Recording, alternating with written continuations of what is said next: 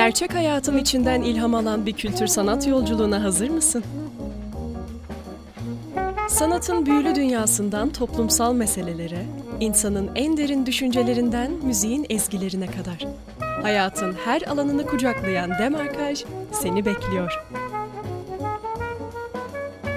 Her cumartesi 14-16 saatleri arasında 96.6 frekansı ve radyobilkent.com'da buluşalım.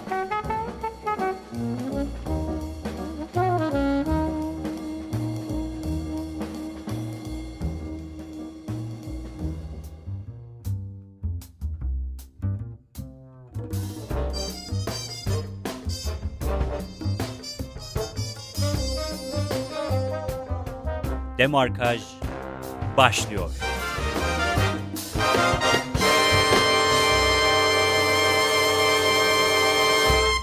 ...96.6 frekansından Radyo Bilkent stüdyolarından hepinize merhaba sevgili dinleyenler. Bugün Demarkaj'ın sezon finalinde sizlerle birlikteyiz. Stüdyoda spiker arkadaşlarım Eylül, İrem ve bendeniz Muhittin Şahin'in yanı sıra... ...sevgili konuğumuz Profesör Fazlı Can var. Arkadaşlarımın da müsaadesiyle hocam sizinle başlamak istiyorum. Hoş geldiniz öncelikle. Merhaba, merhaba arkadaşlar. Siz bana hoş geldiniz diyorsunuz. Ben de size hoş geldiniz diyorum. Hep birlikte zevkli bir zaman geçireceğimizi ümit ediyorum. Hoş bulduk hocam. çok teşekkür ederiz. Nasılsınız hocam? Nasıl gidiyor? Şahane, çok güzel. Hava çok güzel. Ee, yani dışarısı 5-6 derece ama güneşli. İnsana mutluluk veren bir gün. Evet. Yaptım sabahtan, o da mutluluğumu arttırıyor. Evet, güzel havayla birlikte geldiniz hocam Sizler bize de. görüyorum ki. Ben iyiyim. Ben de İrem, iyiyim. Eylül. Ben de çok Hocam iyiyim. birazcık final haftası yorgunluğu var üzerimizde Aa, ama bu program güzel bir mola olacak bizim için de. Çok güzel. Ee, Evet, birlikte iyi bir e, zaman geçireceğiz. Umuyoruz Öyle hocam. umuyoruz biz de hocam. Ee, kısaca sizden kendinizi tanıtmanızı istesek dinleyicilerimiz için. Bugün onu soruyordum kendime yolda yürürken. Ee, Bana sorsalar dedim, kim olduğunu sorsalar dedim, ne derim dedim. Şu sonuca vardım, ben araştırma mühendisiyim, research engineer. Yani hayatım sonunda gelmiş olduğum nokta e, araştırma yönetmek, e, araştırmayı e, kendi teamwork'ümde, grup e, elemanlarla birlikte tanımlamak ve onu başarıya götürmek. Onu derim, tabii bir taraftan bilgisayar mühendisiyim, bilgisayar mühendisiyim ama daha çok bir araştırma mühendisi olarak tanımlıyorum kendimi. Bir de yazar olmak isteyen birisi. Her an yazar olmak isteyen birisi olarak tanıyorum. O şekilde değil. Umuyoruz hocam yazılarınızdan birkaç tanesini okuma fırsatımız oldu. Umuyoruz ki başka çalışmalarınızla da karşılaşırız. Çok teşekkür ederim. Yayında da bahsedeceğiz zaten Evet. biraz içeriklerinden. Teşekkürler. Ee, hocam bunun dışında e, sizden önce dinleyicilerimize ben ufak bir tanıtım yapmak istiyorum. Yayınımıza katılmak isterseniz sevgili dinleyenler 0312 290 24 34 numaralı telefondan ve Instagram'da Demarkaj e, etiketli hesabımızdan bizlere ulaşıp sorularınızı iletebilirsiniz. Ayrıca radyobilkent.com'daki mesaj kutucuğuna göndereceğiniz mesajları da okuyor, konuğumuza yönlendiriyor olacağız biz. Ee, sorularımızda yavaş yavaş başlayalım isterseniz. Eylül'cüm sen başlamak ister misin? Tabii ki ben başlayayım. Lütfen Öncelikle Eylül. tekrardan hoş geldiniz Çok hocam. Ee, sizleri ve öykülerinizi, sanata olan ilginizi çok yakından e, tanıyacağız. Ama e, şunu sormak isterim. Sanatın e, pek çok alanına ilgi ve merak duyan e, biriyken tabiri caizse sanattan uzak bir mesleği neden e, seçtiniz? Ya da e, mühendisliği bu şekilde tanımlamak doğru olur mu? Aa, Ne güzel bir soru, ne güzel bir soru. Şimdi ben hep yazar olmak istiyordum. Hala da yazar olmak istiyorum. Hala da yazar olmak istiyorum. Ee, Oğuz Atay'ın Tutunamayanlarını ben birinci baskısında okudum. 1973 yılı. Ee, ODTÜ'de, ODTÜ öğrenciydim. Ee, ODTÜ'de e, rezerv section vardır. Gürültüyle çalışılabilir. Orada oturduğum masayı da hatırlıyorum. Ee, o masadan rektörlük gözüküyor. Bir taraftan finaller var. Biraz önce İrem'in dediği gibi fina- finaller var. Ondan kaç, e, roman okumak da tabii büyük bir kaçış olanağı. E, sevilen, sevdiğim, sevilen bir şey. Dedim ki ya dedim ben yazar olsam dedim bu adam gibi yazamam dedim. Ondan sonra iyisini dedim, ben mühendis olayım kendimi kurtarayım. Kendimi kurtarayım. Böyle dedim. Ve o sırada programlamayı yeni öğrendiydim. Programlamayı Erdoğan Kaya diye bir arkadaşım var. Onunla çalıştırdık. Bir gecede söktüydüm. Öyle öyle diyeyim. Ondan sonra e, ve şunu fark ettim. Program yazma aynı hikaye yazmak gibi. Bir programda programda bir algoritma var. E, Computer programından bahsediyoruz tabii ki. Bilgisayar programından bahsediyoruz. Bir algoritma var. O hikayeyi e, tanımlamış oluyor. Bir de e, değişken isimler var. Onlar da adeta bir hikayedeki kişiler gibi. Yani dolayısıyla yazma isteğimi ben e, böyle program yazaraktan, onun devamında da araştırma yaparaktan bir anlamda törpülemiş oldum. E, herhalde yazar olsaydım da e, unuta- hemen unutulacak bir yazar olurdum. Yani öldükten sonra unutulacak bir yazar olurdum. Yazarların çoğunun başına gelen o. E, yazarların çoğunun başına gelen o. Yani o şekilde mühendisliği seçtim. Hoşuma da gitti. Hoşuma da gitti ama yazarlık hala aklımda.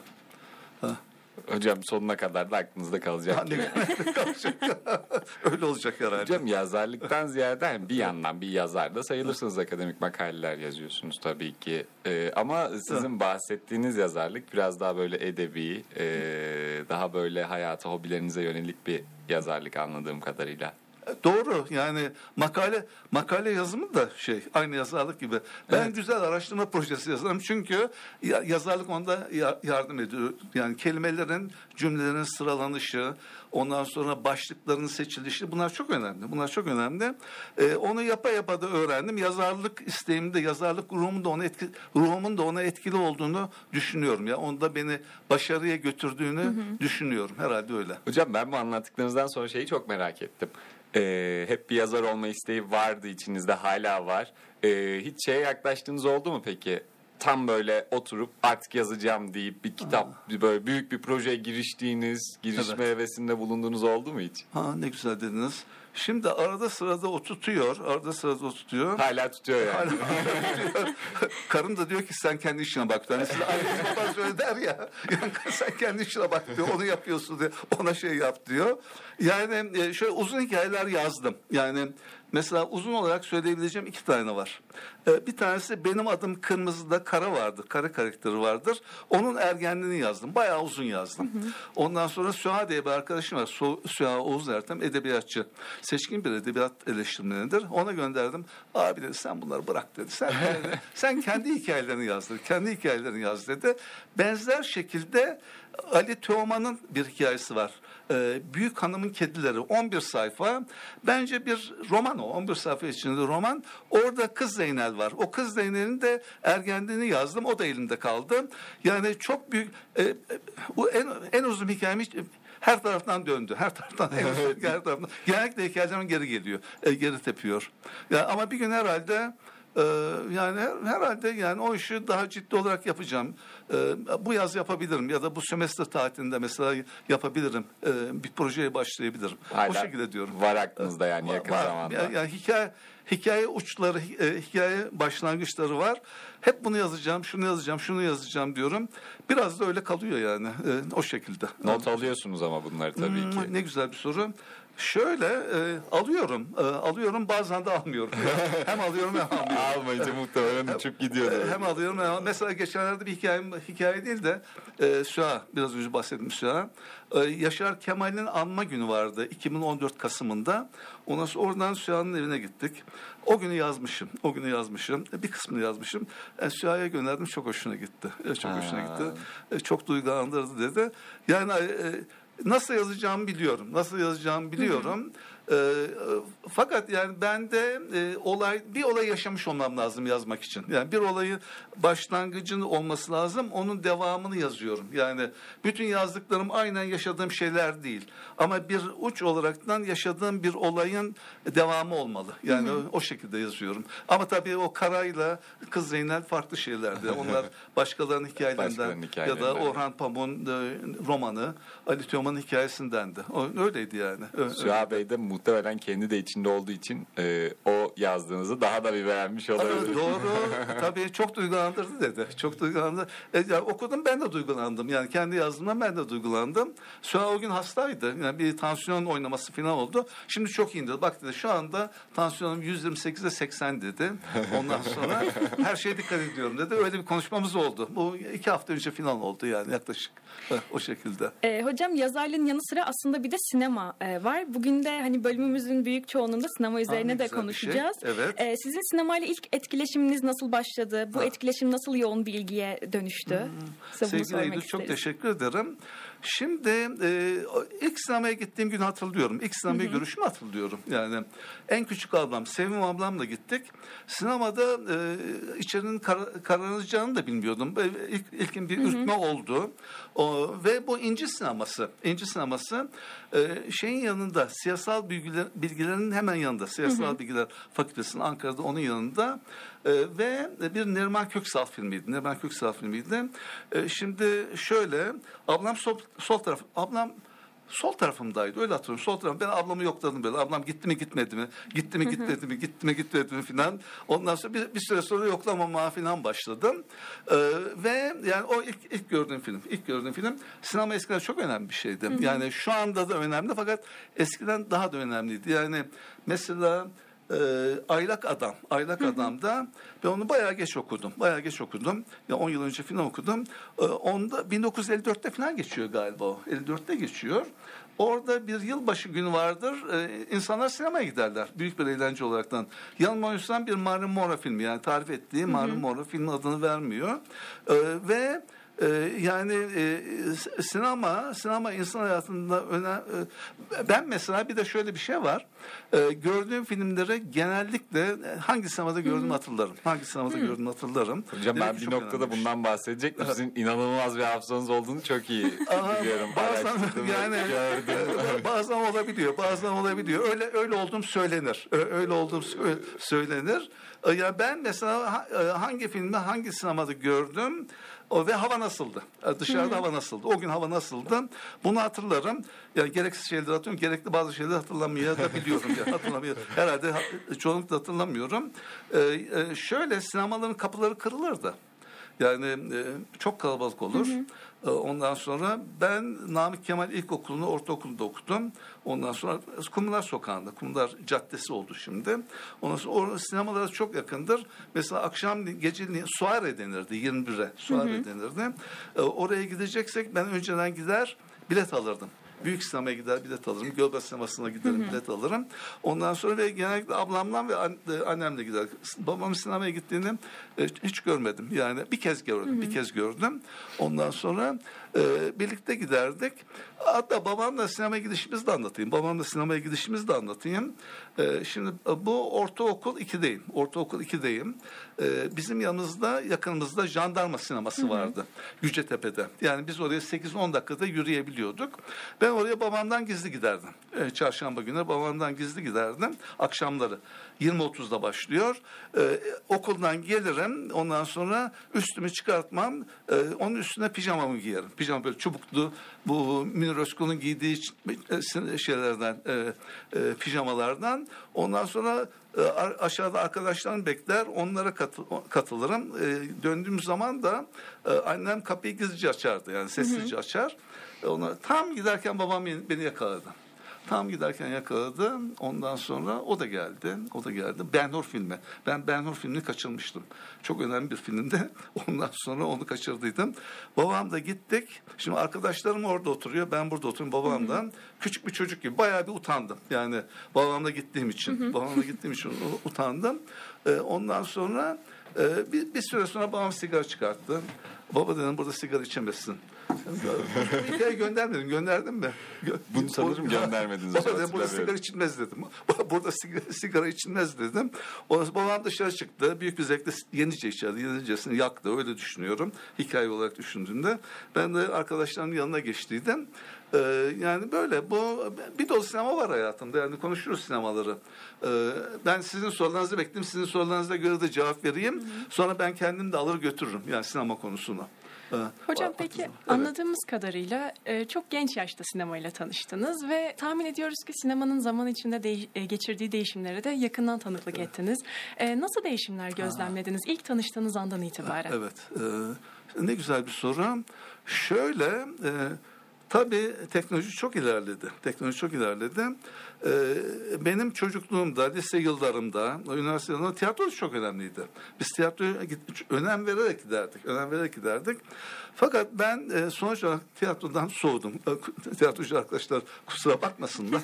Çünkü çok yapmacık geliyor bana. Yani tiyatro bana yapmacık geliyor. Öyle olması gerekiyor. Öyle olması gerekiyor herhalde. Ondan sonra e, şu andaki teknoloji müthiş ilerlemiş vaziyette. Yani e, animasyonlar, e, çekimler çok yakından oluyor. Çok güzel resim veriliyor. Ondan sonra e, animasyonda sadece gibi bir e, hissi veren e, a- hareketli film yapılıyor. Yani çok değişti. Çok değişti. Fakat tabii hala eski sinemanın zevki var. Yani onların da onların e, bu saflığı e, yani naif halleri. e, Daha doğal. Türk sinemasının e, Yeşilçam'ın mesela e, şimdi, şimdiki filmleri sevdim. Ya diyorum bu Türk filmi değil gibi diyorum. Yani Türk filmlerinin o havasını arıyorum. Yani eski filmlerin havasını arıyorum. Tabii bunların değişmesi de doğal bir şey de yani. E, yani si- sinema bir, bir de tabii şu oldu. E, şu oldu. E, insan hayatında her şey kişiselleşmeye başladı kişiselleşmeye başladı mesela radyo Radyo, salon radyosu denilen bir kavram vardı. Radyo başında aile birlikte radyo dinler, müzik dinler, radyo tiyatrosu dinler ondan sonra e, ve birlikte yani o anda o anı birlikte yaşıyorlar. Sonra transistör çıktı. Yani 1950 ortalarında transistör çıkıyor ve transistörlü radyo çıkıyor. Transistörlü radyo çıkıyor. Bu transistörlü radyo radyoyu kişiselleştirdi. Yani evin oğlu kızı mesela annesinin babasının dinlediği müziği dinlemek zorunda değil. Rock and roll dinliyor, başka bir şey dinliyor. Ondan sonra yani öyle olma bu her şeyde devam etti. Her şeyde devam etti. Yani şu anda mesela sinemada kişiselleşti. Yani sinemaya gidersiniz e, eskiden 1500 kişilik salonlar olurdu. Çok büyük salonlar olurdu. Şimdi tabii bunlar çok küçüldü. E, şimdi sinemaya gitmeye de gerek yok. Netflix açıyorsunuz. Ondan sonra orada izliyorsunuz ve de o da e, yani tabii filmi kapatıyorsunuz. Ona yatıyorsunuz. Ertesi gün devam ediyorsunuz. Filmdeki e, akışı e, kesintiye uğratıyor. Aynı şey gibi roman okurken yani biraz okuyup 20 sayfa okuyup durmak, onu 20 sayfa ertesi gün okumak onun gibi falan. Yani filmin de o ki, tadı falan da yani kaçıyor tabii. Tadı kaçıyor. E, Maalesef. fakat şu olacak. E, sinemaya yani teknolojisinden, film teknolojisinden konuşuyoruz. Şu anda ChatGPT biliyoruz ki makale falan dahi yazdırılabiliyor. Makale falan da yazdırılabiliyor. E, e, öyle sanıyorum ki ben mesela hikayemi vereceğim. E, diyeceğim ki bundan film yap bana diyeceğim. Ve görselleştirecek. Evet ve yapacak. Ya, bak ya akla gelen şeyler yapılıyor. Akla gelen şeyler yapılıyor. Ondan sonra beni gör beni zaten her gün görüyor telefonum. Benim nasıl yaşlandığımı biliyor. Benim nasıl yaşlandığım, nasıl yaşlanacağımı da biliyor. O başka çocukları da izliyor. Benim e, çocukluk fotoğrafımı göstereceğim. E, çok e, doğru bir şekilde benim çocukluğumu yaratacak. Çocukluğumu yaratacak. Benim yürüyüşüme bakacak şu andaki yürüyüşüme. Çocuk, çocukluk yürüyüşümle bulacak. Yani beni bir çocuk olarak, bir yetişkin olarak ya da yaşlanmış bir kişi olarak aynı gösterecek. Aynı gösterecek. Öyle filmler yapı- yapılacak. Ee, bana filmi göster beğendi mi diyecek, beğenmedim diyeceğim. Onu oynayacak, değiştirecek. Ondan sonra Aa, hikayede şurayı değiştireyim diyeceğim. Onu, onu değiştirecek. Yani aynı makale yazar gibi film yazılacak, film yapılacak.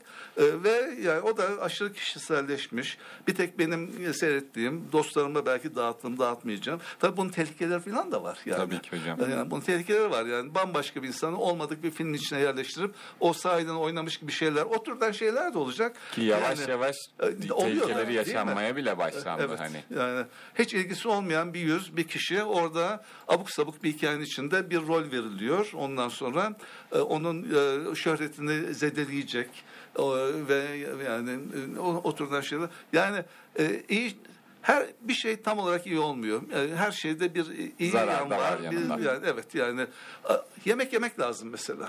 Çok yeseniz iyi değil. Yani az yeseniz o da iyi değil. Kararında olması gerekiyor. Her şeyin kararında olması gerekiyor. Yani teknoloji e, bir dolu yeni eğlenceler getirecek. Tabii insanlar iyice birbirlerinden ayrılacaklar. Yani e, tanımayacaklar bile birbirlerini. Hocam Bir yavaş yavaş oraya geliyoruz Oraya ki geliyoruz. pandemide bunu yavaş yavaş hani ufak bir demo gibi e, tecrübe ettik. Ettik doğru. Ee, yani belki üniversiteler falan kapanacak mesela.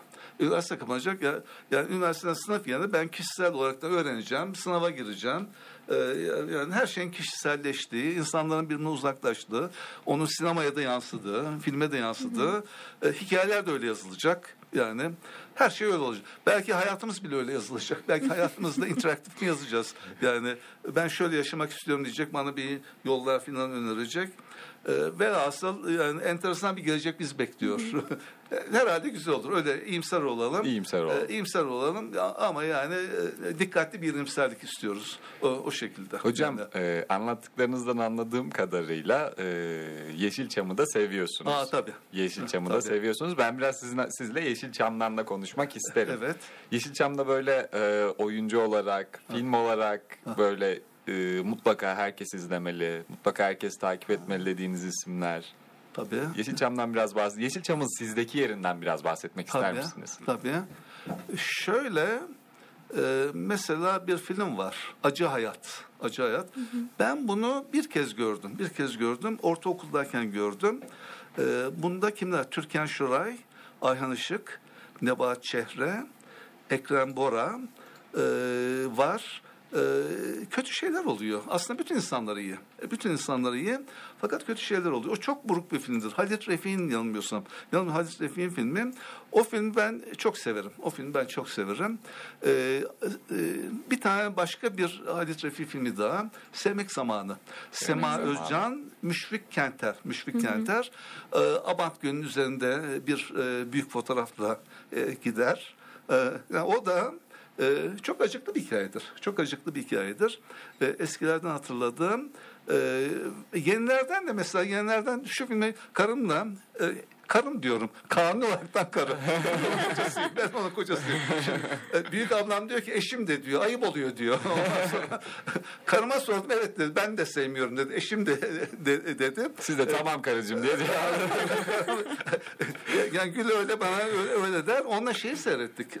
Şimdi e, geri döneceğim de e, aile arasında. Aa, çok aile arasında. güzel bir filmdir değil mi Ee, hocam? Siz, efendim? e, film hakkında ne düşünürsünüz? Ben yani çok izledim filmi. Hani hiç sıkılmadan çok keyif aldığım bir film oldu ama siz Biz ne beş kez sinemada gittik. Karımla birlikte. Beş kez sinemada gittik. Altıncı kez gidecektik. Kalktı. Hocam E, size evet. bir müjde vereyim. Çok affedersin sözünüzü kestim. Aynı kadroyla filmin ikincisi geliyormuş. Öyle mi? Merakla Ne, ne bekliyoruz. güzel bir şey ya. Dedim Gülse Birsen muazzam birisi dedim. Gülse Birsen muazzam birisi dedim. Ya o kalitede başka bir film yapar mı? Onu çok düşünüyorum. Onu çok düşünüyorum. Biz onu karımla 30 defa falan seyrettik evde. Yani Netflix'ten ya da e, ka- kaydettiydik falan. Yani o- oradaki karakterleri biz düşünürüz. Deriz ki e, mesela Solo, Solmaz. E, lise mezunu mudur değil midir? Figo ne okumuştur? Bunlar ileride mutlu olacaklar mı? İleride çocuk yapacaklar mı? Emirhan nasıl birisidir? Emirhan mı daha akıllı, kahraman mı daha akıllı?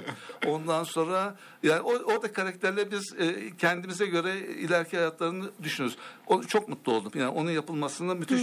Fakat o kalitede yapması çok zor. Yani o kalitede yapması ya orada hepsi o karakterdi. Karakterin kendisiydi yani. Rol yapmıyorlardı. Yani Evet. o oluyorlardı, o oluyorlardı. Fakat o başarı belki onları yeniden bir başarıya götürür. Başarıya götürür. Şimdi eskilerde şey vardı. Ayşecik filmleri vardı mesela. Ayşecik filmleri. Evet.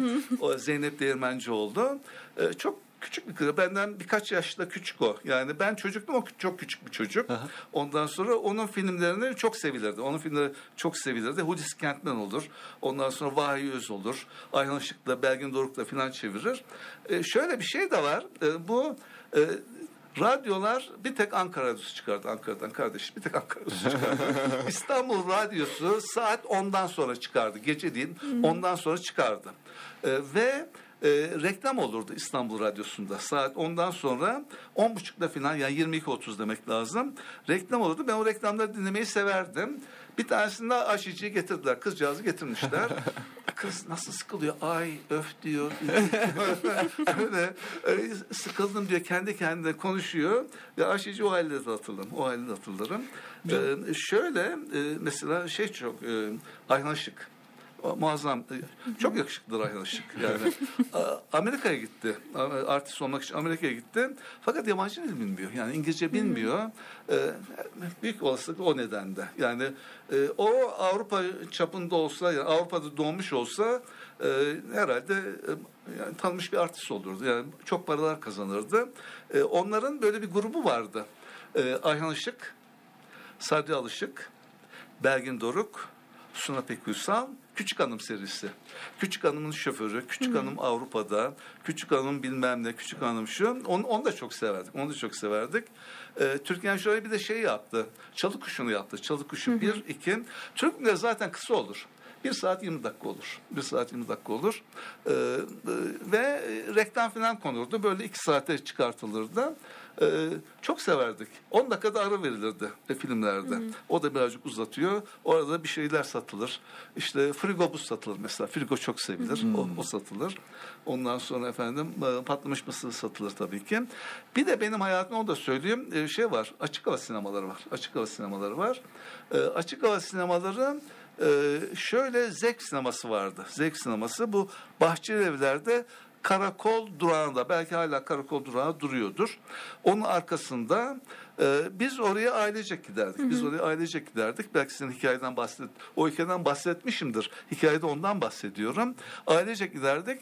Böyle na- nasıl giderdik? Günler çok uzun yazın. E, günler çok uzun. E, mesela ay bir de büyük ay ayın olduğunu düşünün. E, aydınlık her taraf. Aydınlık her taraf. Yani o sırada fazla sokak lambası falan da yok herhalde. Yani E, ve oraya iki film olurdu. İki film olurdu. E, orada ben e, leblebi alırdım. Leblebi ve gazoz alırdım. O, onu çok severdim. Leblebi gazoz iki film. Onu filmin sonuna kadar idare etmeye çalışırdım. E, yani o açık hava sineması bir de açık hava sinemasının şöyle bir özelliği vardır. E, bu daha çok şeyde olurdu. Zevk sinemasının olmazdı. Onun arkası bina falan vardı herhalde. E, bir de e, Tam Doğan'da Subay Açık Hava Sineması vardı Tam Doğan'da. Bu Ankara Gücü Stadyumu'nun yakınında. Şimdiki yani orada hala bir subay e, şey orada evi var yanılmıyorsam. Tandoğan'da da var hocam. Var Evet. değil mi o subay orada? Onun e, onun arkasında bir açık hava sineması vardı. Büyüyecek bir sinemaydı. Yani herhalde 500 kişi falan alıyordu. E, e, perdenin arkası Keçiören. Keçiören. Ama Keçiören'de o sırada fazla şey yok. Bina yok. Yani siyah gözükür yani siyah gözükür. Yani bu Ankara'da ne bileyim 50 yıl önceki şeylerden bahsediyoruz. Yani Ankara'da e, insan sayısının çok az olduğu e, Zamanlar. E, Yıldız kayar. O çok hoşuma giderdi. Aa. E, Yıldız kayar. Meteor kayar yani. Yıldız, o zaman bir bilek, dilek tutarsınız. O, Bir o çok hocam, hoşuma o giderdi. zamanlarda daha net görebiliyorduk hani. Şimdi Tabii. o kadar net görünmüyor maalesef. E, tabii, şu an- görebiliyorduk değil mi? Ben yoktum. Tahmin ediyorum. Işık kirliliği var şimdi. Yani Evet, ışık kirliliği var. var. Yani çok ışık var.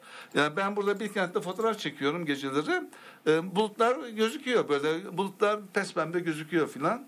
Ya o zaman e, az az ışık var ve yani yıldızlar falan daha güzel gözüküyor. Tabii yıldızlar nasıl gözüktüğünü hatırlamıyorum da şeyi hatırlıyorum yani. O yıldız kaymasını hatırlıyorum. Bir de e, bu gölge sinemasından çıktığında gördüğüm bir şey. E, Bunu da söyleyeyim. Eskiden Ankara'da kuşlar vardı. Sığırcık vardı. Eskiden sığırcık vardı. Şu anda sığırcık kuşu yok. Sığırcık kuşu nasıldır? Ee, İngilizce starling denilen e, siyah bir kuş, çirkin çene bir kuş. Ee, üzerinde beyaz benekleri olan, beyaz benekleri olan bir kuş. Ee, ve e, şu anda mesela saksan var e, Ankara'da. Saksan var. Saksanlar ancak Beytepe'de olurdu. Beytepe'de olurdu. Bir de e, serçe olurdu Ankara'da. O saksanların hepsinin yumurtalarını yedi herhalde. Öyle tahmin ediyorum.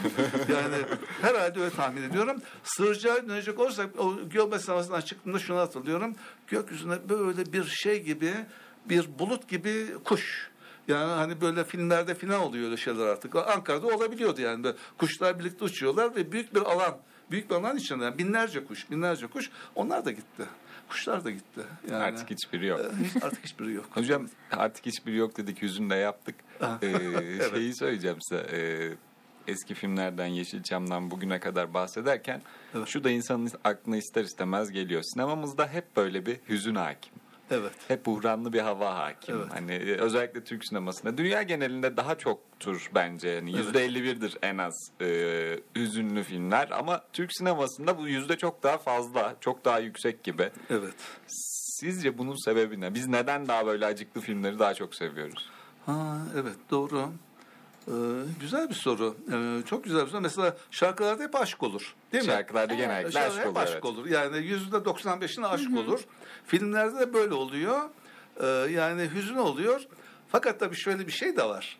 Ee, ha, belki herhalde şundan ötürü filmin sonunu e, sonunda insanları daha da mutlu etmek için herhalde. E, büyük olasılıkla ondan yani. Öyle bir hüzünlü bir havadan gidiyor. Ondan sonra sonunda mutlu oluyorlar, mutlu oluyorlar ve böylece o mutluluk duygusu insanlara daha büyük bir mutluluk veriyor. Yani film içinde mutlu olsa o mutluluğu paylaşamayız, paylaşamayız. E, doyumsuzluk olur yani daha fazlasını isteriz. Daha fazlasını isteriz ona karşılamayabilir. Ama hüzünle başlarsak herhalde şey kolay oluyor. Yani e, o mutluluğu kabul etmek e, e, kolay oluyor. Muhtemelen ondan ötürü yani. E, bir de Türkiye'de belki hüzün de var zaten. Yani insanlar da çok mutlu olmadığını da söyleyebiliriz. Yani Türkiye'de her zaman bir baskı vardır. Şu ya da bu şekilde bir baskı vardır. E, bu da yani insanları yani mutsuz eder. Yani e, insanın hayatının e, yansıması oluyor sinema. Onun da payı var. Yani hangisinin daha çok payı var bilmiyorum. İlk dediğimin payı daha çok olabilir ama ikisinin de payı var. Yani e, önce mutsuz başlayıp sonra mutluluğa götürerekten insanları daha çok mutlu hissettirmek. Bunun payı daha çok olabilir. Ama insanlar e, e, gördükleri şeyi inandırıcı olmasını da istiyorlar. Paylaşabilmek istiyorlar onu. Paylaşabilmek istiyorlar. Yani hüzünleri, e, mutsuzluklarını orada görünce aa belki şu da oluyor. Aa benim gibi başka insanlar da var.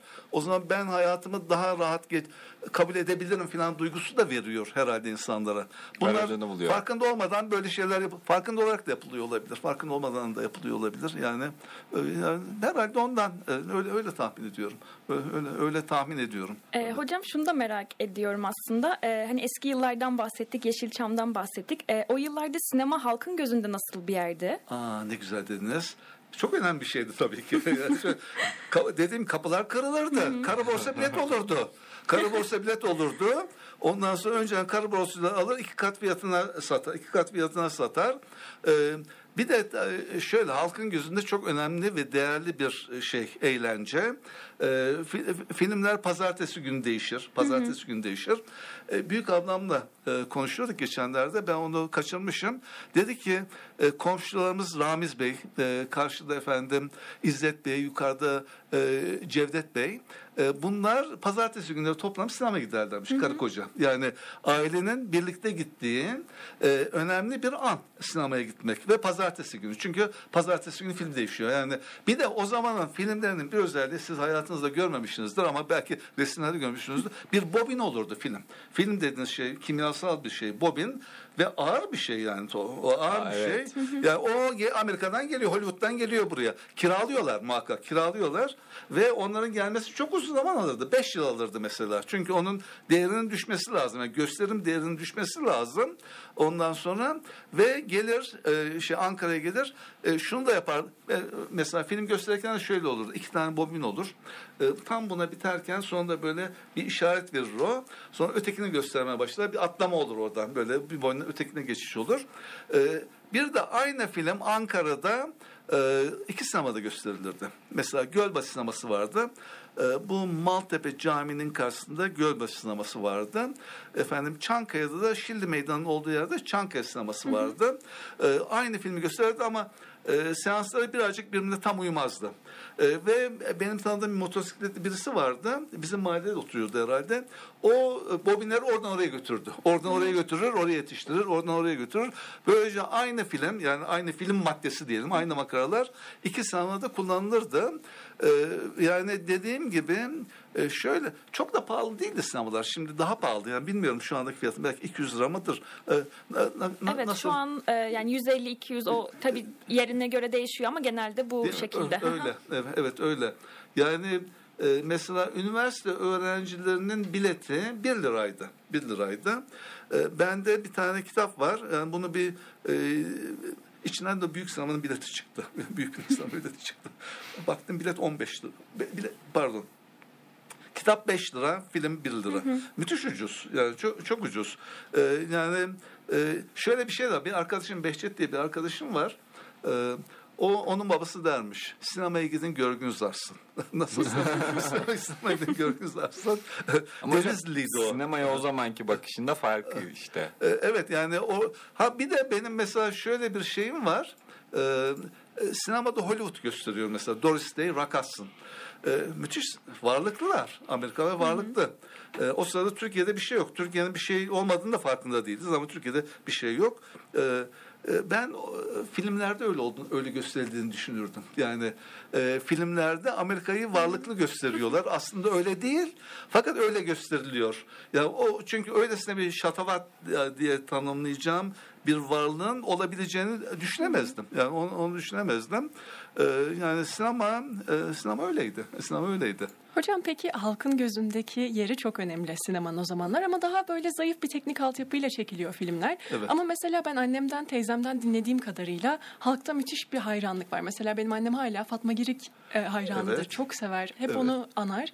Ve ama şu anda mesela filmlere o kadar bağlılık görünmüyor. Bir hayranlık, bir bu kadar yükselişte değil. Geçmişte bu sahiplenmenin sebebi ne olabilir sizce? Ne, ne güzel dediniz. Şöyle, e, İrem'in güzel bir sorusu bu. E, ben mesela kendimi söyleyeyim. Ben bütün artistleri bilirdim. Bütün artistleri bilirdim. Bütün şarkıcıları da bilirdim. Bütün şarkıcıları da bilirdim. E, TV'de 7 gün diye bir magazin dergisi vardı. Bir de hafta sonu diye e, dedikodu gaz- gazetesi vardı. Ben ikisini de alırdım. İkisini de alırdım. E, ve bütün e, hepsini bilir. Hepsini bilirdim. Çok da sinemaya giderdim ben. Hafta yani günde üç sinemaya gittim olurdu. Günde üç sinemaya gittiğim, lisede olduğumu düşünün. Üniversitede giderdim. E, şöyle tabii e, yani insanlar e, çok şey akıllarına tutamıyorlar. Yani onun büyük payı olduğunu düşünüyorum. Şu anda çok oyuncu var. E, çok dizi var. Her şeyden çok çok var. Her şeyden çok çok var. Yani o çok çoğun içinde e, onları hatırlamak çok zor. Onu mesela Hollywood'u düşünelim. Bu power law denilen bir şey var. Power law denilen bir şey. E, mesela insanların e, şeyinin e, servetinin çok az kişide toplanmış olması. E, onun yanı sıra böyle çok sayıda insanın çok az servetinin olması. E, Hollywood'da mesela 10 tane artist sayarsınız. Yani 10 tane erkek artist sayın desem ben say, kendime say desem sayamam yani çok meşhur. Yani insanların akla tutamıyor. Yani biz insan olaraktan çok sayıda şeyi aklımızda tutamıyoruz. Yani herhalde onun e, çok nedeni var. Karım se- seyrediyor. Mesela eşim seyrediyor. eşim, eşim seyrediyor. Ben de arada bakıyorum. İşte ne? Mesela Ömer'i seyrediyor. Ömer'i seyrediyor. Oradaki çocuk, çocuk diyeyim. Ömer öyle oynadı da onu da gördüm. Bu Kurak Günler mi neydi? Orada filan oynuyordu. Ben onun adını bilmiyorum. Yani onun adını bilmiyorum. Bu şuna da döndü. Benim e, kü- küçük abim dil tarihinden mezun. Fiziki coğrafyadan mezun. E, ben orta üçteyken hocasıyla birlikte Tuzgölü'ne gittiler bunlar. Tuzgölü'ne gittiler. Tuzgölü'nde hocasının TÜBİTAK araştırması varmış. Ondan sonra efendim bir cip bir de şoför var. E, onunla dolanıyorlar. İşte hoca e, ne, ne yapıyorsa yani bir takım ölçümler falan yapıyor herhalde. Dedi ki abim ya dedi, önümüzde yemek yiyoruz gazete kağıdının üzerinde dedi. Türkan Şoray'ın resmi var dedi. Hoca bilmedi dedi. Kemal dedi bu, bu, bu kimdir diye sormuş. Ben de ona döndüm. ben de ona yani güldüğüm hale döndüm. Çok insan var. Çok insan. Hepsini yani. tanımak mümkün Mümkün değil. değil. Mümkün değil. Çok insan var. Yani ancak birkaç tane. Yani bana ben derim ki e, kim söylerim mesela? Şu anda ismini de getiremiyorum. Hocam az önce Gülse Birsel'e hayranlığınızı Aa, söylediniz. O, tabii. Gülse Birsel muazzam. O grup, o, o, o, o grup şahane, muhteşem. O grup muhteşem. E, Figo mesela. O, o grup şahane, e, muhteşem. Fakat yani e, ben de kısıtlı kısıtlı bilebiliyorum. Yani kısıtlı bilebiliyorum. Herhalde ondan yani insan belleğinin yetersizliğinden ya da insan belleğinin bu kadarını yetersiz de demeyelim bu kadarını kaldırıyor. E, yani öyle zorlamıyoruz kendimizi. Bir noktada da yeterli. Yeterli. Şimdi e, ufak bir müzik arasına gitmek Çok güzel, zorundayız. ne güzel. Biraz Evet. nefeslenelim, biraz su içelim, kendimize gelelim Çok hocam. güzel, çok güzel bir Ee, karar. sevgili dinleyenler bugün de Markaj'da e, sevgili Profesör Doktor Fazlı Can'la birlikte sinemayı, eski zamanları konuşuyoruz. E, programın ikinci devresinde görüşmek dileğiyle bizimle kalın. Demarkaj devam ediyor. Kaldığımız yerden devam ne güzel, ediyoruz. devam ediyoruz. Evet lütfen. Ee, sessiz filmlere değinmek istiyoruz biraz Evet. da. Ee, ilk sessiz filmlerden başlayarak sessiz sinemanın ortaya çıkışını ve bu teknolojik ilerlemenin sinema deneyimine olan etkilerini etkilerinden bahseder misiniz bizlere? Evet. Şimdi ses, e, Silent Movie diye bir film var mesela. Mel Brooks. Mel Brooks. O, o, onda hiç konuşma yoktur. Hiç konuşma yoktur. Mel Brooks çok tanınmış bir rejisördü. Komedyen aynı zamanda. Ee, onda bir tek no denir. Bir tek o kadar. Bir tek var. O da no'dur. No, no'dur. Ondan sonra e, eski sessiz filmler e, tabii ki insanlar ilk yapmaya başladığı zaman e, filmler çok kısa bildiğim kadarıyla. Bir dakika falan oluyor mesela. Bir dakika oluyor. E, ve zamanla ilerliyor. e, Charlie Chaplin. Charlie Chaplin. E, Charlie Chaplin'in bende bir fotoğrafı vardır. E, şey yaptım çerçeve içinde. Çerçeve içinde fotoğrafı vardır. E, çünkü o adam sinemayı tanımlamış bir adam. Yani sinemayı tanımlamış bir adam. E, onun enteresan bir şeyi de var. E, senaryo falan yok tabii daha. Film yani sinema nasıl yapılır tanımlanmamış. O adam kamerasını alıyor. Bir de aslında yoksul yani yetimhanede büyümüş fakat zengin olabiliyor. Hollywood'da ya da İngiltere'de ilk başta belki zengin olabiliyor. Ondan sonra filmi çekmeye başlıyor. Ama ne çek hikaye yazar gibi aynı. Yani hikaye yazarsınız, silersiniz, bilmem e, tekrar geri gelirsiniz falan. O, o şekilde filmleri tanımla, tanımlamaya başlıyor. Tabii bir de ha, ne güzel sesli film deyince şimdi. e, Barbie filmi vardı. Barbie filmi Matt Damon değil mi? Matt Damon oynadı. Brad Pitt. Brad Pitt. Brad, bu bir iki yıl önce, önceki e, bir, yıl önceki final film bu. E, e, Babylon. Bab, Barbie filmi. E, Hollywood filmi. Hol- Hollywood filmi.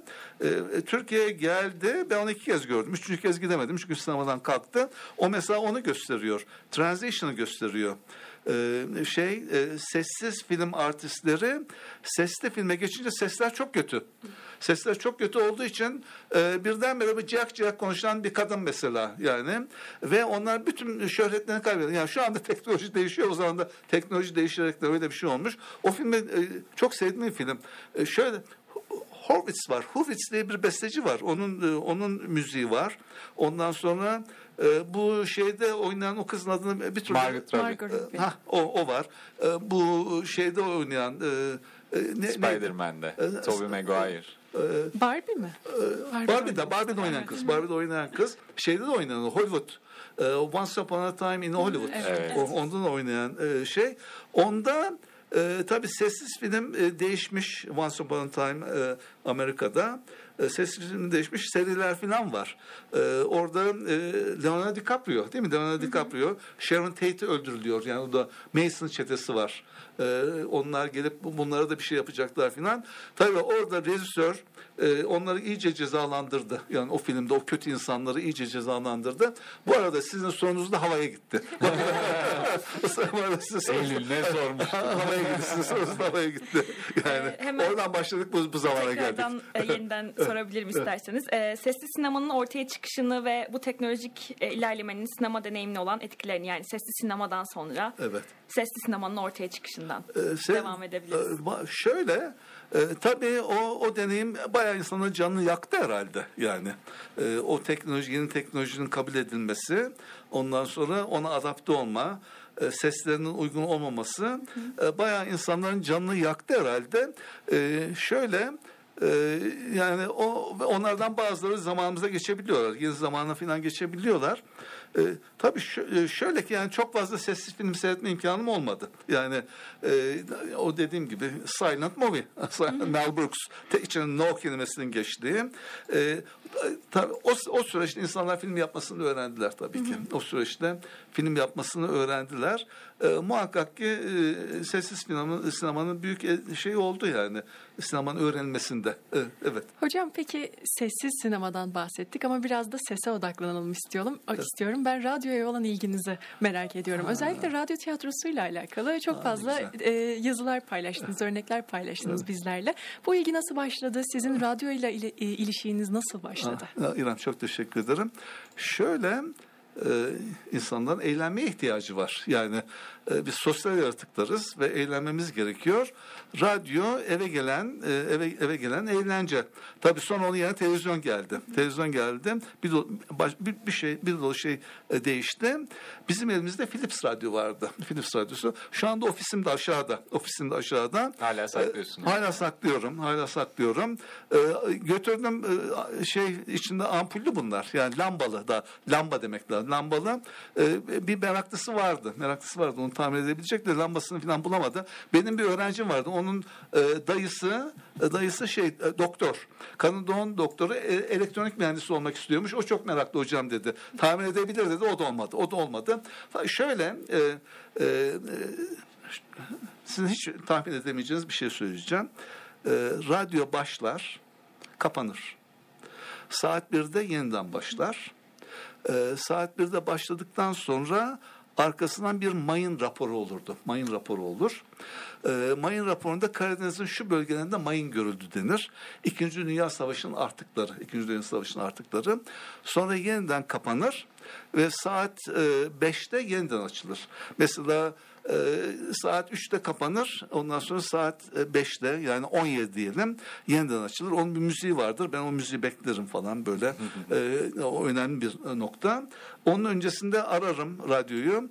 Şey çıkardı. Moskova radyosu çıkardı. Moskova radyosunun e, işte yani kendi reklamlar yapıyor. Komünizm vesaire onun reklamı yapılıyor. O çıkardı. E, ve e, reklamlar olurdu mesela. Saat 18'de reklamlar olur. Reklamlardan bir tanesi de bu çok uzun zaman sürdü. Orhan Boran'ın sunduğu e, doğru mu yanlış mı? Bir şey söyler ona doğru dersiniz. Doğruysa güzel yanlış dersiniz. Neden yanlış olduğunu söylersiniz. Onu da çok severdim. Tabii radyo tiyatroları vardı. Radyo tiyatroları vardı. İki türlü radyo tiyatrosu vardı. E, e, pazartesi günleri saat 21'de mikrofonda tiyatro. Dong. böyle başlar. böyle başlar. Ondan sonra bir saat. Bir saat. Ee, önce işte artistleri söylenir. Yani konuşan kişiler söylenir. Ee, benim e, çocukluk aş- aşkım Gül bana kızma. Şimdi. Ayla. Ayla ile konuşuyorduk dedi. Biz dedi yataklarımıza çekilirdik dedi. ışığı kapatırdık dedi. Onu mikrofonda tiyatroyu dinlerdik dedi. Mikrofonda tiyatroyu dinlerdik. Bazen korkulu şeyler yaparlardı. Çok korkardım ben. Korkulum. Her şeyi gözünüzde canlandırıyorsunuz. Muazzam bir şey yani bu. Yani insanları hayalci olmaya davet eden, yaratıcı olma e, dürtüsünü destekleyen radyonun öyle bir güzelliği var. Yani öyle güzelliği var. E, gündüzleri sonra şöyle ben orta ikideyken orta ikinin e, sonbaharında sabahtan radyo yayını olmaya başladı. O zaman kadar sabahtan radyo yayını yok. Sabahtan radyo yayını olmaya başladı. E, çocuk bahçesi vardı. Çocuk bahçesi vardı. E, onda dizi halinde şey olur. Mesela iki sene mektep e, tatili, iki yıl okul tatili. O zaman e, mektep tatili diyelim. Ondan sonra mesela başka bir tane bülbülü öldürmek. To Kill a Mockingbird. To Kill a Mockingbird. O, e, onda kim oynuyor? Köksal Engür, e, Işık Yenersu. Bunların sesleri çok güzeldir. Müziği de çok güzeldi. Onu hiç unutamam. Yani onun e, o, o- yani onu çok çok uzun bir sürdüydü o. E, sabahtan olan sabahtan olan bu bu dediğim çocuk bahçesi bir sabahtan olurdu bir de öğleden sonra saat 16.30'da olurdu. Yani iki kez aynı şey verilir, bölüm verilir. Sabahtan bir de arkası yarın vardı. Arkası yarın. O hala var. Ben Var arada mı? bir denk Ha, geliyorum. 9.40'da olurdu. 9.40'da ve 20 dakika. Yine erken saatlerde hakikaten ar- e, arkasını bekletirdi. Yarın arkası arkası yarın. Mesela orada e, dinlediğim oyunlardan birkaç tanesini, iki tanesi hatırlıyorum. E, Suçumuz insan olmak. Oktay Akbal'ın romanından. Sevdiğim bir romandır o benim. Ankara'da geçer. Ondan sonra o Suçumuz insan olmak ve Brahms'ı sever misiniz? Brahms'ı sever misiniz? François Sagan. O zaman çok tanınmış bir yazar. Çok genç bir Fransız yazarı. Dünya çapında büyük sükse yapmış. Onda işte Brahms'ın bir üçüncü senfonisinden e, bir e, çok tanınmış bir bölüm falan da vardır. O e, mesela bunlar bunlar artistlerini falan bilirdik biz. E, Macide tanır mesela. Macide tanır. Çok tanınmış bir şey ses sanatkarı devlet tiyatrosundan. Ondan sonra başka bir tane daha e, baş, e, böyle e, şu anda aklıma gelirken bir tane daha oyun vardı. Küçük Prens. E, Küçük Aa, Prens. E, Küçük Prens. Bu saat 21'de. Saat 21'de e, Kerim Avşar oynadıydı. Kerim Avşar pilot. O da e, o da şu. Kerim Avşar'ın sesi çok güzeldir. Kerim Avşar. Esin Avşar e, eşi Esin Avşar. Ondan sonra e, o Küçük Prens'i çok severek dinlediğimi hatırlıyorum. E, ve yani bunlar mesela bir de çocuk saati vardı. Cumartesi günü saat 5'te 17'de çocuk saati ve onda mesela şey vardı. Işık Taşer. Benim sesine aşık olduğum kız. Yani bu hep melek oynardı. Böyle çok güzel bir sesi vardı. Işık Taşer'in babası Suat Taşer. Annesi de bir tiyatro sanatçısı. Çok seçkin bir sesi vardı.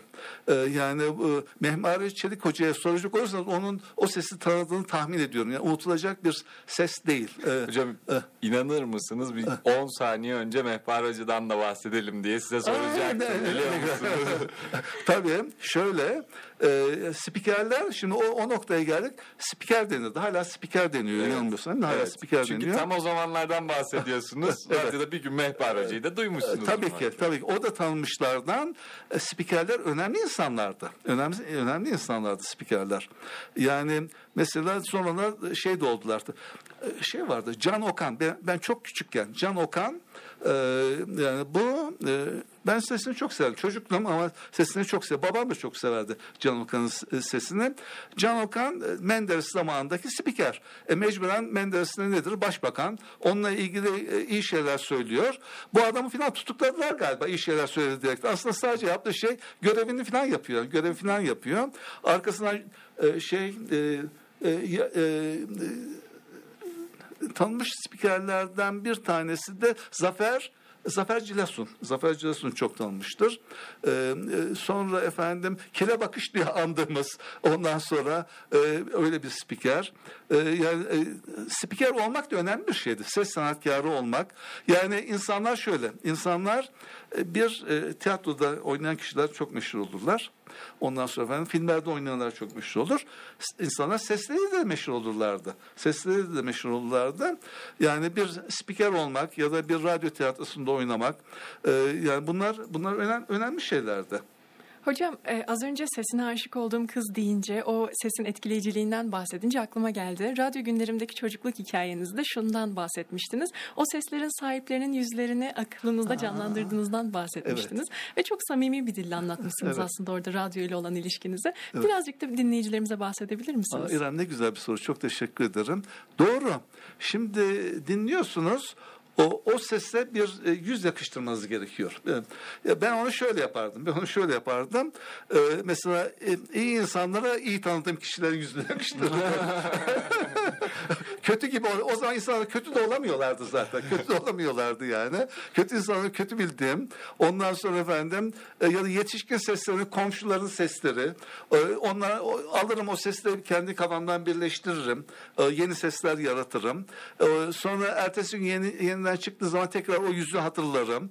Yani yüzlere ben seslere yüz yakıştırırdım. Herhalde hepimiz öyle yapıyorduk. Öyle tahmin ediyorum. Yani bütün dinleyiciler farkında olarak ya da olmayarak onu yaptıklarını tahmin ediyorum. Ben o ben daha çok farkında olduğum için yazmışım herhalde. Yani ama o zaman hatırlayanlar olsa onlar aa ben de öyle yapıyordum diyebilirler.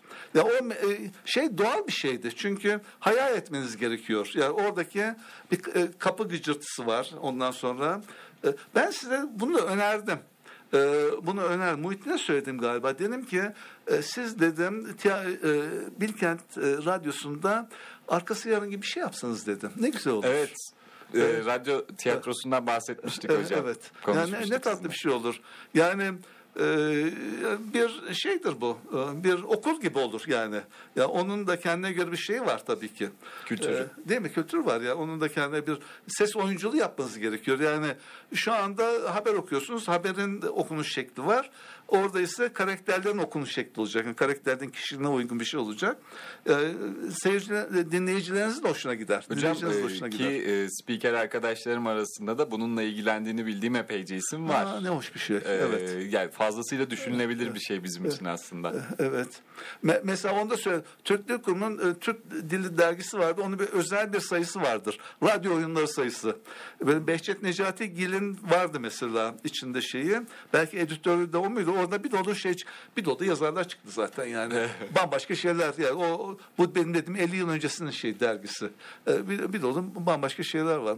Murakamiler var. Yani yabancılar yazarlardan yaparsınız falan. Yani. Hocam Eylül bir soru soracak ama siz Murakami demişken ben oraya zaten gelecektim. Çok özür dileyerek. Evet. Ee, ben sizinle bilmiyorum hatırlıyor musunuz? G100 dersindeki sunumunuzda Evet. tanışmıştım. Evet, evet. Ee, sizinle orada tanışan eski bir spiker arkadaşım da benden özellikle bunu istedi sormama. Engin selamlarımızı da iletelim. Ne güzel. Evet.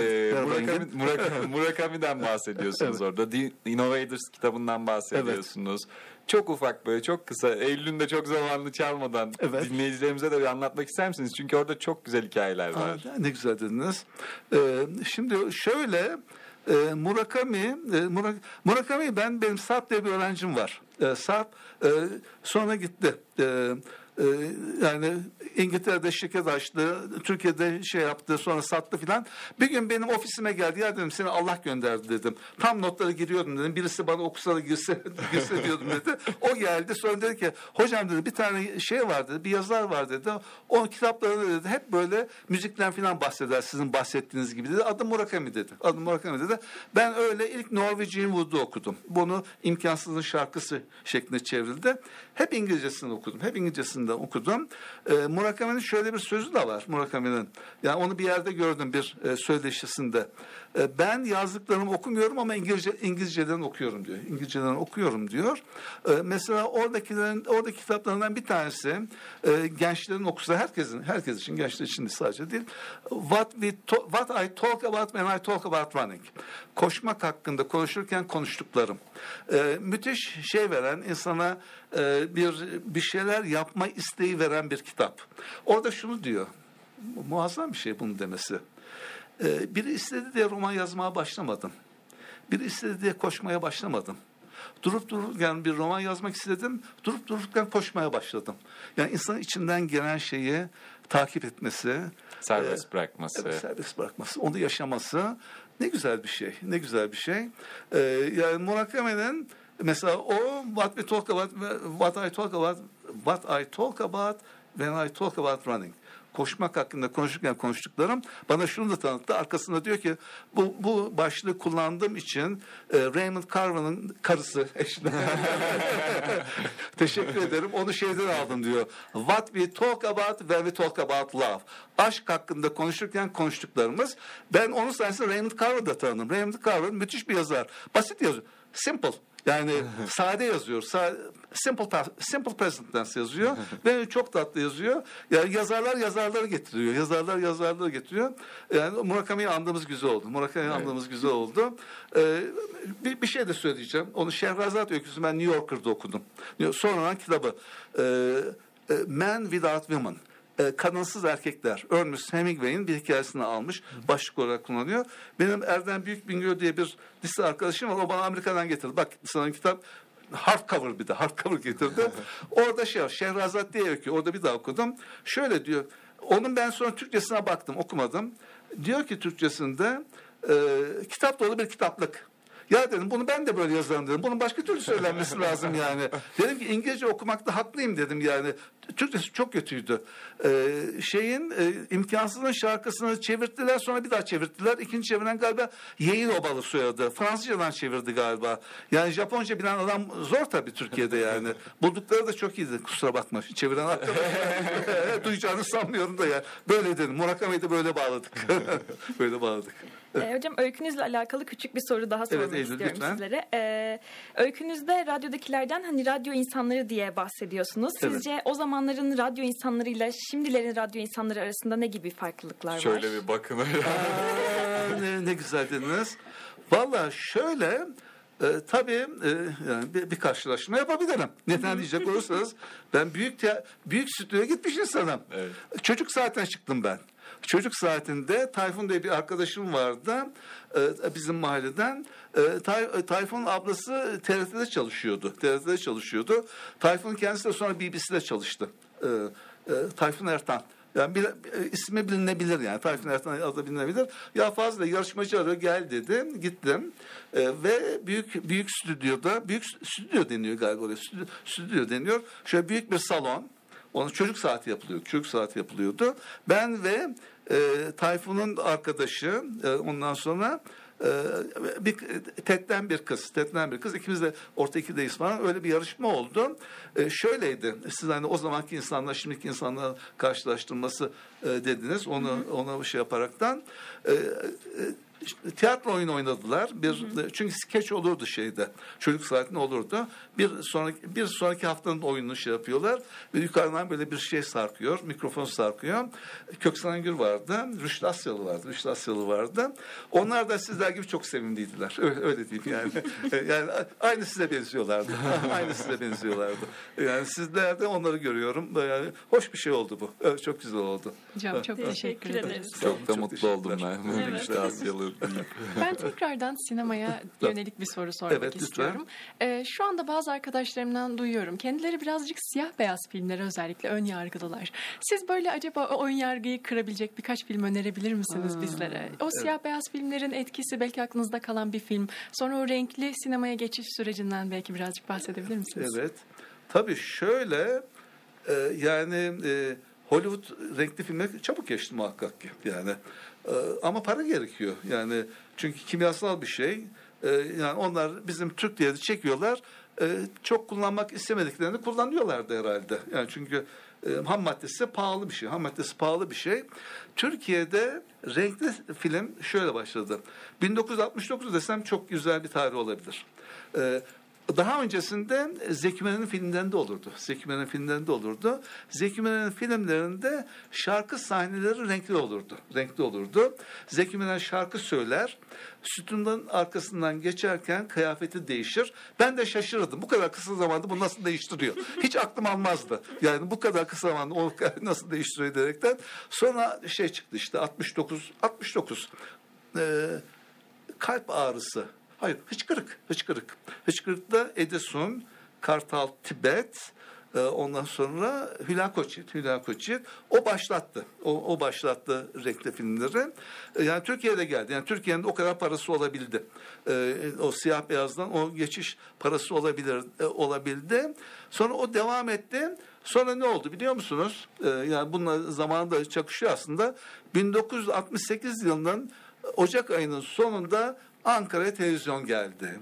Daha önceden İstanbul Tekniğin deneme yayınları vardı. O da sürüyordu muhakkak. İstanbul'da sürüyordu. Hatta Zeki Müren'in televizyon karşısına çekilmiş bir resmi vardır. Yani o büyük, önemli bir teknolojik bir şey. Zeki Müren'in evinde var ve evinde televizyon seyrediyor. E, Sonra bu e, bizim eve de 1972 yılında girdi şey e, ne derler ra- e, televizyon. E, Şimdi televizyon çıkınca konudan konuya geçiyoruz tabii ki bu arada konudan konuya geçiyoruz. televizyon çıkınca şu oldu ne oldu biliyor musunuz? Herkesin ayağına eğlence geldi, eğlence geldi. Ve bunun sonucunda İnsanlar daha öncesinde birbirlerine giderler. Çünkü eğlence bir ihtiyaç. İnsanlar nasıl eğlenebilirler? İnsanlar başka insanlarla birlikte eğlenebilirler. En doğal yöntemi odur. Ee, komşuluk denen şey de ortadan kalktı. Yani komşuluk ortadan kalktı. O renkli televizyon karşısına oturduk. Tabii sonra arkasında internet geldi falanlar filanlar geldi. Her şey e, fazlasıyla pers e, kişiselleştirildi. e, Kişiselleştirildi. Renkli sinemaya Türk sinemasının geçişi yani o dediğim gibi 70 başlarında 70 başlarında oldu. Tabii sonradan da şöyle bir şey oldu. Bu konuya da girsem mi girmesem mi diye e, düşünüyorum da gireyim. Onu da gireyim. gireyim. E, şey olunca ne derler? Televizyon çıkınca televizyon çıkınca e, sinemaya insanlar az gider gitmeye başladılar ve bunun üzerine Türk sinemasına parçalı filmler çıktı parçalı. İçine açık seçik şey konulan filmler çıktı. E, bu e, bizim artist diyelim artistler olmaz e, özel artistler vardı. Onun özel artistler onlar olurdu. Ya da yabancı şeylerden alıp içine konurdu. O da bir süre gitti. O da bir süre gitti. E, sinemaya gidenler sorar abi parça var mı filan denir mesela. O küçük çocuklar yani işte Öyle ergen, ergen çocuklar parça var mı parçalı mı filan. Bir de o, o kısım oldu. Bir de o kısım. O sırada insanlar bıraktılar sinemayı. Yani mesela Türkan Şoray falan sahneye çıktı. Hüda Koçi sahneye çıktı. Ondan sonra efendim yani o neden e, Göksel Arsoy çıktı. Ayhan Işık bile çıktı. Ayhan Işık bile yani eline mikrofon alıp çıktı. Bazıları güzel söylediler, bazısı da güzel söylemediler. E, yani e, hep teknoloji şu yapıyor. Yani yeni bir şey getiriyor ve eskiyi dümdüz ediyor. Ya eskiyi dümdüz ediyor. E, eski de ona ya adapte oluyor olabildiğince ya da olamıyor. Yani Ve kayboluyor. ya da kayboluyor. Yani e, mecbur yani E, yeniyi kabul etmeye mecburuz. E, Aynı şey sinemada da oldu. Bu arada sizin lafı aldım, uzattım, uzattım. Bambaşka yerlere gel- geldik ama öyle oldu. Hocam öyle aslında oldu. çok güzel bir noktaya değindiniz. Şunu sormak istiyorum. Bu büyük sanatçıların e, sahneye yönelmelerinin arkasında sinemaya olan bir tepki mi var yoksa bu kendi kariyer yönlendirmeleri sonucu mu? Aa, bu, bu insancıktan para ihtiyacı vardı. tek neden oydu. Yani tek neden oydu. Ee, şeyde çıkarlardı. Ee, Ankara'da e, Gençlik Parkı, tabii siz Gençlik Parkı'nın sadece adını falan biliyorsunuzdur. Orada Luna Park vardır. Luna Park vardır. Luna Park'ın özelliği eğlence parkı. Bugi bugi olur, dönen şey olur. Ondan sonra ya da e, uçan sandalyeler olur falan. E, orada mesela Zeki Müren çıkardı. Orada Luna Park gazinosu vardı. Biz dışarıdan seyreder, e, dinlerdik. Dışarı, dışarıdan din- dinlerdik. E, ben Zeki Müren'i sahnede de izledim. 1969 yılının sömestr tatilinde ben lise 3'teyim. E, Hamit ablamla gittik. Hatta yanında Dostoyevski'nin Beyaz Geceleri vardı. Erkenden gittik, yer kaptık. Ben Beyaz Geceleri okuyorum. Zeki Müren'i şey yaptım ben. Sahnede seyrettim. Orada orada seyrettim. E, Zeki Müren tabii kendisi muhteşem bir şeydi, ya, sanatçıydı. Böyle e, e, şeyle e, seyirciyle olan iletişimi falan çok şey olan. E, mesela Zeki Müren de e, müthiş paralar kazanabilecek bir insandı. Fakat e, televizyonun çıkmasıyla televizyonun çıkmasıyla e, onun önemi azaldı. Öne, onun önemi azaldı. E, öteki artistler de artist diyelim yani tabii artistler de Ayhan Işık mesela yani.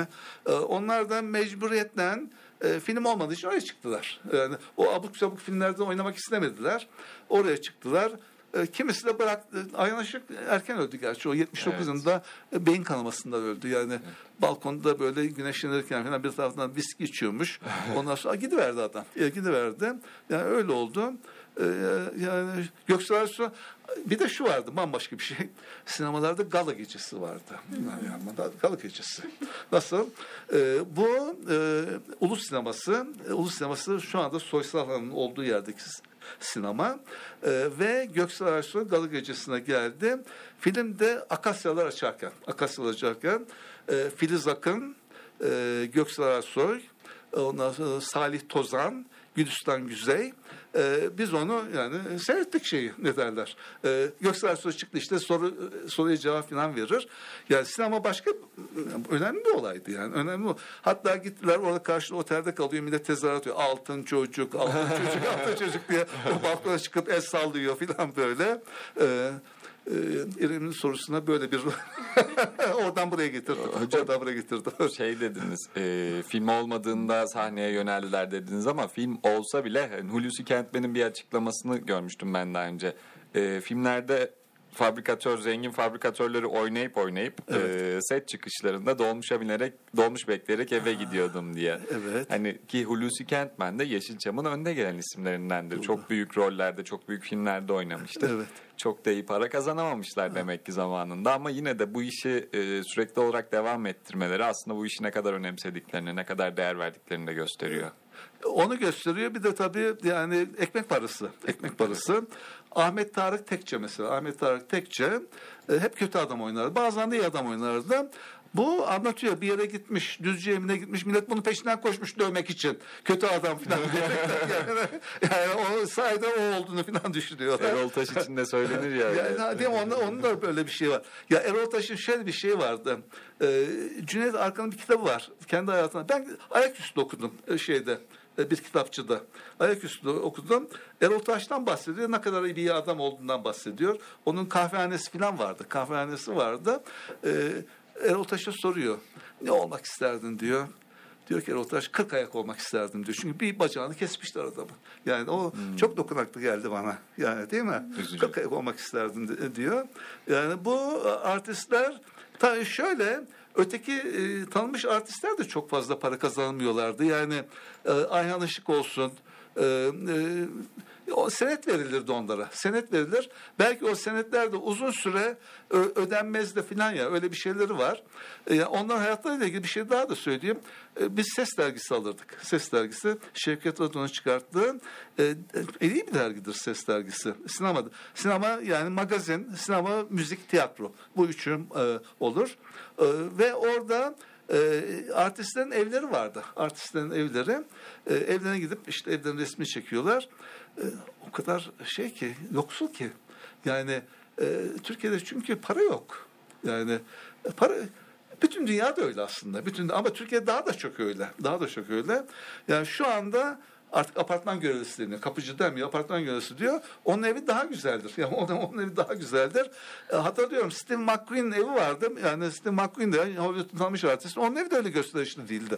Yani eski dünyada varlık daha azdı. Yani dünya çapında varlık daha azdı. E, yani sonra e, teknolojiyle birlikte e, yeni ürünlerin çıkması yanı sıra çıkmasının yanı sıra e, yapılan şeylerin e, maliyeti de düştü muhakkak yani.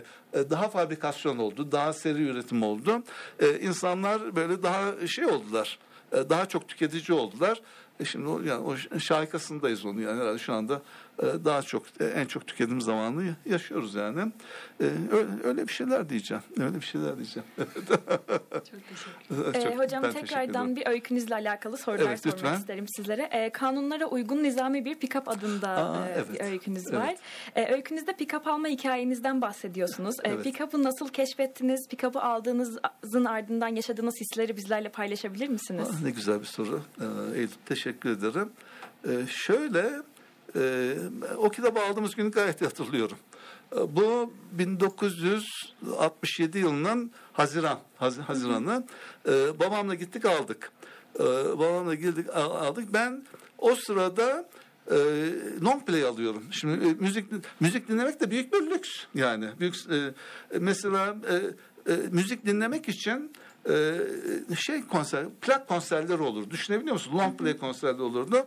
Metin Korfalı diye bir arkadaşımla gittiğimizde hatırlıyorum. Milli Kütüphane'nin ve hemen Namık Kemal'in yanındadır o.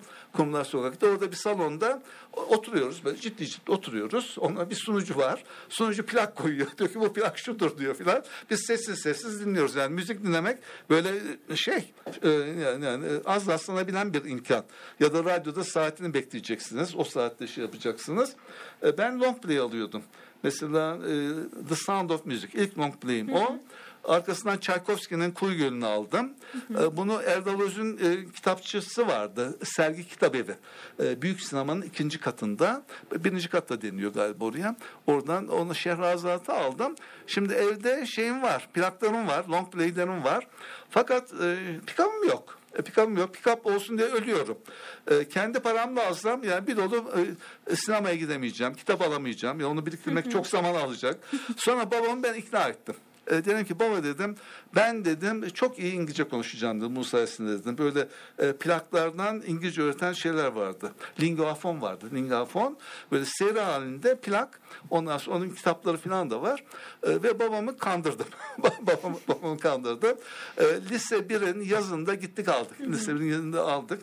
Sonra benim ofiste olan şeye bağladık. O e, e, radyoya bağlanan bir şeydir. E, pick-up'tır. En ucuz pick-up'tı piyasadaki radyoya bağlanan. Oraya bağladık. O, ondan sonra efendim şimdi şöyle bir şey oldu. E, dınlıyor. Dın, tın diye bir ses çıkıyor. Ya tın diye bir ses çıkıyor. E, iyi topraklama yoktu herhalde. E, ve e, o sırada transfer radyo çıktıydı Türkiye'de de. Yani sal, salon radyosu. Böyle geniş bir radyo. Ona gösterişli bir radyo. Babama dedim ki e, bunu alırsak dedim e, ben o Dingafon plaklarını daha iyi dinleyeceğim, daha iyi öğreneceğim dedim. Ve şey aldık ne derler bu Beko Radyosu. Beko Radyosu Koç tarafından çıkartılan transistörlü bir radyo. Ondan sonra onu aldık. Şimdi onu aldıktan sonra ben bunu stereo yapmak istedim. Ama yani ulaşılmayacak bir şey stereo müzik. Ee, şeyde vardı Erdal Öz'ün sergi kitabı vardı. Dual marka pickup vardı. Çok meşhurdur o. Ondan sonra ona benzetmek istiyorum. Ee, bu arada biz e, eski Philips radyomuzu da bir e, şeyin içine torbanın içine koyduk. Öyleydi adet. Evde koyduk, yerleştirdik ve bunu götürdüm ben şey bana al bunu dedi. PTT'ye götürdü mühürlet dedi. Mühürlemek, mühürletmek diye bir kavram vardı. Üzerine kurşun bir şey konuyor, iple bağlanıyor ve açılmaz hale getiriliyor. Ben bunu eve getirdim ve e, açtım sonra. Bir iki hafta sonra açtım. E, içine hoparlörünü almak için. Ondan sonra ve böylece kanuna aykırı bir şey yapmış oldum. Babam sonra bunu fark etti. Sen dedi bunu açmasın dedi. Bu dedi olmaz. Nizamlara aykırı bir durum dedi. Bunun dedi kanuna uygun getirmen lazım. Ondan sonra al bunu dedi götür dedi şeye.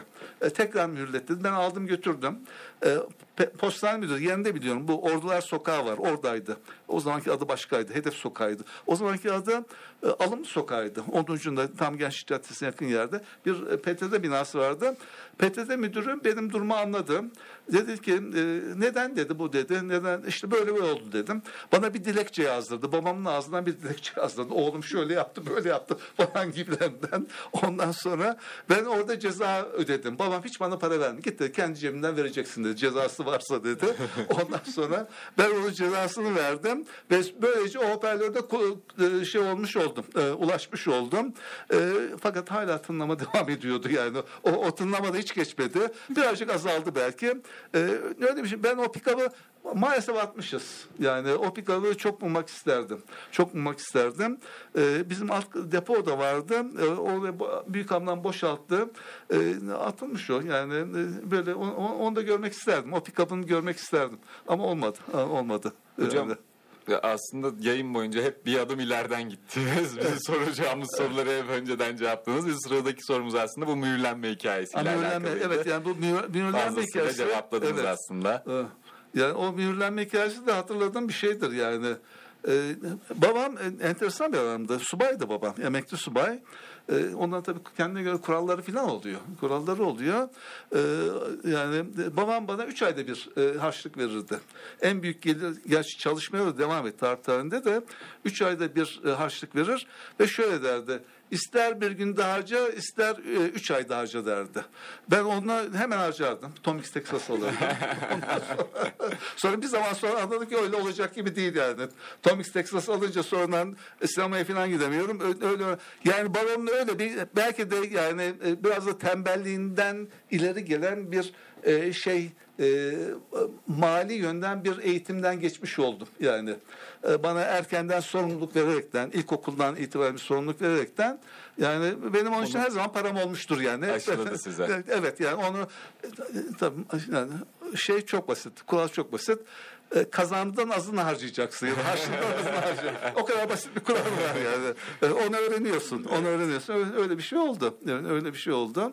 Ondan sonra yani o da hatırlamak istediğim bir şeydir. Hatırlamak istediğim bir şeydir benim. Ee, Evet hocam e, sohbetinize kesinlikle doyum olmuyor ama maalesef ki evet. yayının artık sonuna geldik. Zaman çok hızlı aktı geçti. Evet. Biz de nasıl olduğunu bilmedik. E, sevgili dinleyenler bugün Demarkaj'ın sezon finalinde stüdyoda bendeniz Muhittin, e, sevgili spiker arkadaşlarım Eylül ve İrem'in yanı sıra konuğumuz Profesör Doktor Fazlı Can vardı. Sinemadan, radyodan, geçmiş zamanlardan bahsettik fazlasıyla.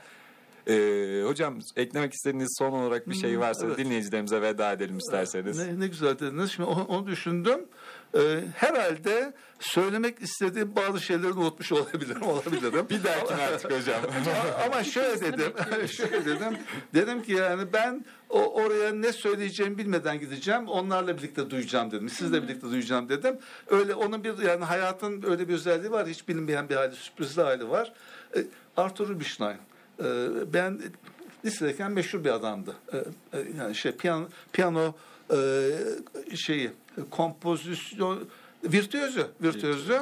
Şöyle derdi şöyle dediğini hatırlıyorum. Yani bir yerde okudum. Ben e, konserlere praktis etmeden giderim içine bir heyecan olsun ben de o heyecanı yaşamak için e, yani hiçbir hazırlık yapmadan geldim E, ümit ediyorum ki gü- güzel bir yani dinleyicilerimizin hoşuna giden bir konuşma sohbet olmuştur ve her- her biriniz çok güzel e, İrem, Eylül ve Muhit'i çok güzel yönlendirdiniz. E, güzel bir sohbet oldu. Çok teşekkür ederim. Bilkent Radyosu'na bol şanslar diliyorum. Biz teşekkür Teşekkür ederiz hocam. Teşekkür ederiz. Sevgili dinleyenler Demarkaj'ın gelecek bölümlerinde görüşmek dileğiyle. Kendinize iyi bakın. Hoşçakalın.